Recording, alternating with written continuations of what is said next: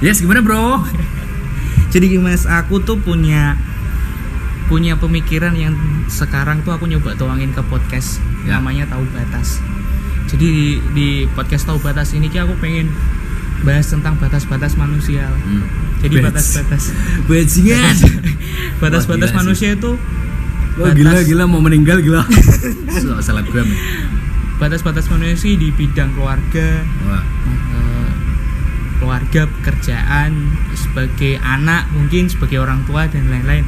Jadi nanti ada beberapa aku ngobrol sama orang lah. Nah, aku mau minta sudut pandang dari Mas Indra se- karena sebabnya ini kan eh, Mas Indra itu udah tak anggap mentorku dewe. Mentorku dewe dalam artian Wah, sebuah pandangan dan sudut pandang hidup loh, Mas. Iya, iya. Karena kan nggak semua orang bisa dimintain pendapat menurutku ya. Nah, aku minta pendapat dari Mas Indra Ki tentang batas manusia. Bagi Mas Indra Ki koyo piye? Batas-batas manusia. Hmm. Waduh. Mas, Sebenarnya Mas Indra boleh ngambil satu sudut, satu sudut pandang ya. Misalnya batas manusia sebagai eh, makhluknya Tuhan Hmm. bisa. Boleh, terserah dari Mas Indra. Wah, kalau eh, sebagai makhluknya Tuhan sih itu bakal panjang banget sih. Mungkin Hmm. eh, aku ambil batas-batas di mana kita harus bersikap untuk bermasyarakat kali ya. Oh, Karena boleh. memang kita tahu kalau ngomongin soal batas-batas itu Hmm. sebenarnya kan eh, batas manusia itu dicari sendiri. Bukan Hmm. terus akhirnya lantas dibatas-batasi dengan seseorang gitu. Walaupun Hmm. sebenarnya juga batas-batas dengan seseorang pun itu harus ada sebuah uh, dealing komunikasi yang baik gitu. Misal Hmm. kamu sama pacarmu, kamu sama bosmu, kamu sama rekan kerjamu, otomatis kan itu uh, sebuah rekomitmen yang emang harus setiap kali itu di-upgrade gitu. Mhm. Setiap perjalanan hidup segala macam itu memang harus di-upgrade. Cuman kalau ngomongin soal batas-batas uh, bermasyarakat, kita juga harus tahu dan kita harus menentukan siapa dulu nih yang harus kita beri batasan. Bukan kita beri, tapi kita memberikan batasan untuk diri kita sendiri. Sehingga orang lain itu tahu batas-batas seorang diri maksudnya seorang kayak aku berarti seorang Indra tuh kayak gini batasannya.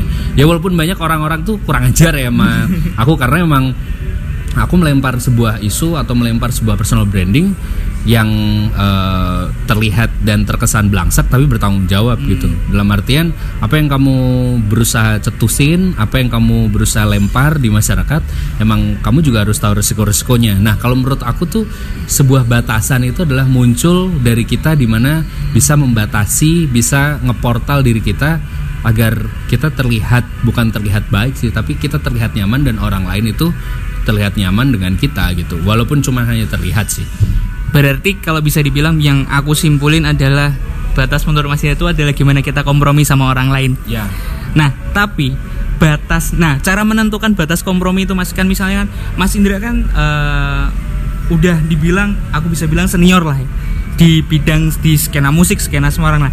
Pasti kan ada tuh ada orang itu yang tiba-tiba datang sok kenal, tiba-tiba langsung masuk ke batasnya Mas Indra. Nah, filter yang dibikin Mas Indra itu kayak gimana sih sebenarnya?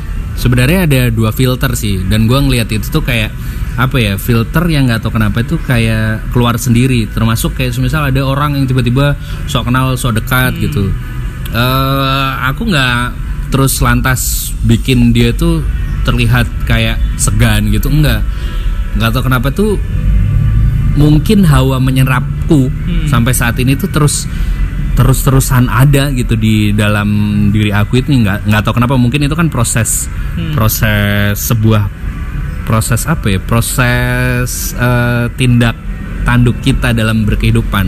Entah proses laku atau tirakatan kita gimana sama orang gitu gitu kan.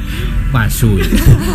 Itu pun jadi di saat eh, aku ngelempar joke atau ngelempar sesuatu opini yang mungkin dirasa itu benar-benar joke orang tuh harus tahu bercandanya sebagaimana mestinya seorang Indra itu bercanda.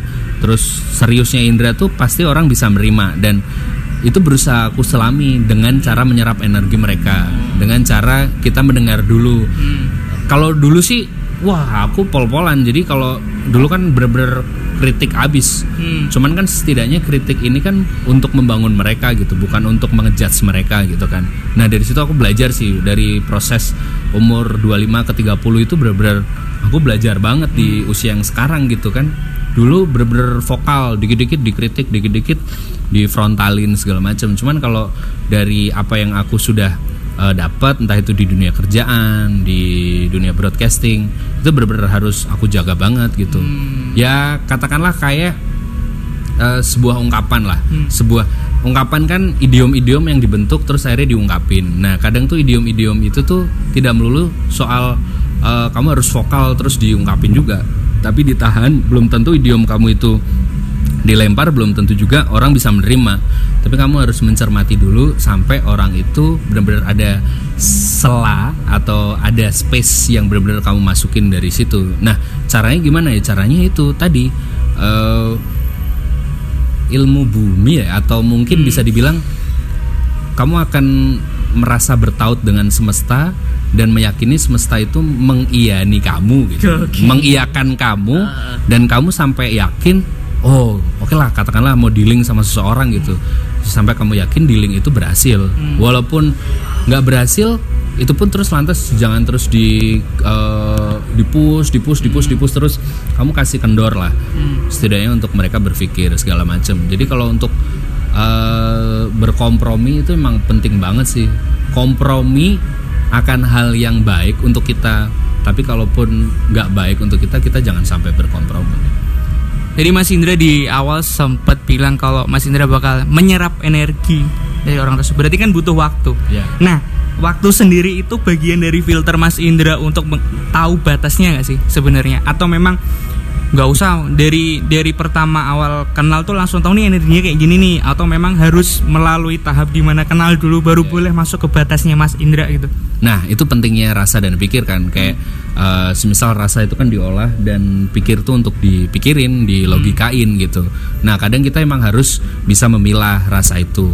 Semisal eh, di mana kita harus bisa mengolah rasa itu, kalaupun itu eh, berbenturan dengan pikir. Hmm. Nah it- kita harus memilah dulu nih. Semisal katakanlah kalau rasa itu kan kayak proses di mana kita menghargai orang. Hmm. kayak kita ngobrol sama orang yang lebih tua segala macam itu seperti apa. Kita nggak mungkin ngobrol sama bapak-bapak kita menggebu-gebu segala macam walaupun sebenarnya bosok ya kan? Tapi kita juga eh, tahu salahnya nih di mana kita juga punya opini tersendiri Nah. agar diterima sama eh, orang tua itu. Termasuk dengan cara berpikir kita. Hmm. kalau tadi kan rasa kita mengolah mengolah dari apa yang kita serap mengolah dari apa yang kita dengar apa yang kita lihat kita olah ya makanya ada orang tua bilang kan makanya bertabayunlah le. Nah. ya kan? Kayak gitu kan. Jadi nah tabayun itu termasuk salah satu bentuk rasa yang memang harus diolah. Eh, bentuk sih kalau menurut aku tabayun itu. Bentuk olahan proses kan. Hmm. sebenarnya olahan proses kan banyak mencermati Hmm. eh, mengolah segala macam terus sampai kita ketemu sama pikir nih. Pikir yang sekiranya emang harus di secara logika tuh benar. Ah. biasanya pikir itu logika yang gampang itu kan di mana kalau semisal kamu emang mau butuh duit kan berarti harus kerja. Kerja. nah gimana caranya biar kerjanya halal semisal Eh, terus sam- sampai akhirnya dapet sesuatu ma- eh, income segala macam itu kayak gimana emang harus dipikirin. Dan kalau menurut aku banyak orang tuh yang berbenturan dengan itu yang harusnya dipikir malah dirasa Hmm, ya, yang benar. harusnya diolah dirasain eh malah dipikir gitu Ba- gitu Dia, dia ngelanggar batasnya dirinya sendiri kan? Iya, sebenarnya batasan manusia tuh di mana kamu bisa mengolah rasa Hmm. dan eh, bisa berpikir dengan secara logika lewat pikiranmu. Abad. Tadi Mas Indra di awal sempat bilang masalah orang tua. Nah ini Wah, suwi, ya, suwi. Ini, ini menarik. Ini menarik mas. Soalnya aku subscribe sebedus Hmm. di komen yang sempat viral itu tentang Mama Endang. Mama Endang yang Iya, iya. bilang "Eh, Saru boleh kurang ajar jangan. Nah Iya. di sini aku lihat itu Mama Endang ini juga kompromi tentang batasan nih. Iya. Nah itu sebenarnya pendidikan awal dari orang tua atau Mas Indra itu nyiptain batasan sendiri sama orang tua sih Ap- jadi bisa kompromi Iya. lagi saru kira apa penting iya. ojo orang ajar lah itu iya. kan kadang soalnya orang tua menganggap kayak gitu tuh tabu buat diomongin kan Sebenarnya batasan itu muncul dari eh, aku sendiri karena orang tua tuh cuman hanya mm, memberikan value atau memberikan pelajaran-pelajaran itu yang eh, sebagaimana mesti orang tua harus disiplin, terus nggak manjain orang tuanya. Dulu kalau ngomongin soal pelajaran hidup orang tua ke aku ya, wah justru keras. Hmm. orang tua aku tuh keras banget cuman orang tua aku tuh nggak pernah marah wah kalau marah-marahin anaknya tuh bener-bener sebenarnya parah sih cuman Hmm. ada terus area value yang aku ambil di dewasa ini oh Hmm. ternyata gini ya biar aku kuat kayak misal deh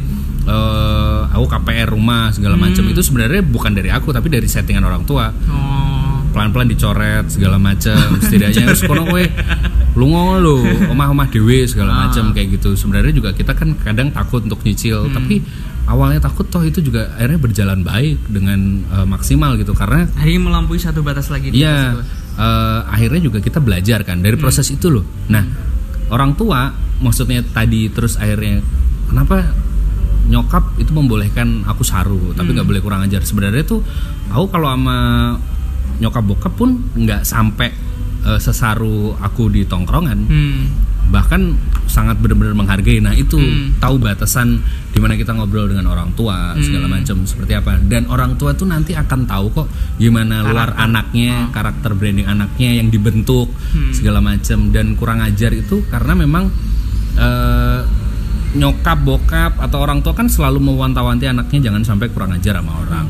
Katakanlah kurang ajar sama orang itu ya eh, nggak menghargai orang, Hmm. selalu eh, memandang remeh orang sampai di mana ada satu momentum satu fase sebosok-bosoknya wong kui tak tompo obrolan nih Hmm. sa ele-ele opo lah opo misal ada banyak orang yang mungkin skeptis dengan orang A ya Hmm. belum tentu aku juga skeptis dengan orang A tapi aku mencermati dulu piye tau kue asin iki B Nah, Nah. itu itu itu yang yang kenapa aku tadi itu waktu kita ketemu aku langsung Hmm. wah bikin sama Sindra karena menurutku ya Mas, Ya. eh, buat jadi sampai tahu batas kayak Mas Indra tuh butuh proses yang panjang. Ya. Karena eh, proses filtermu tuh nggak frontal gitu loh.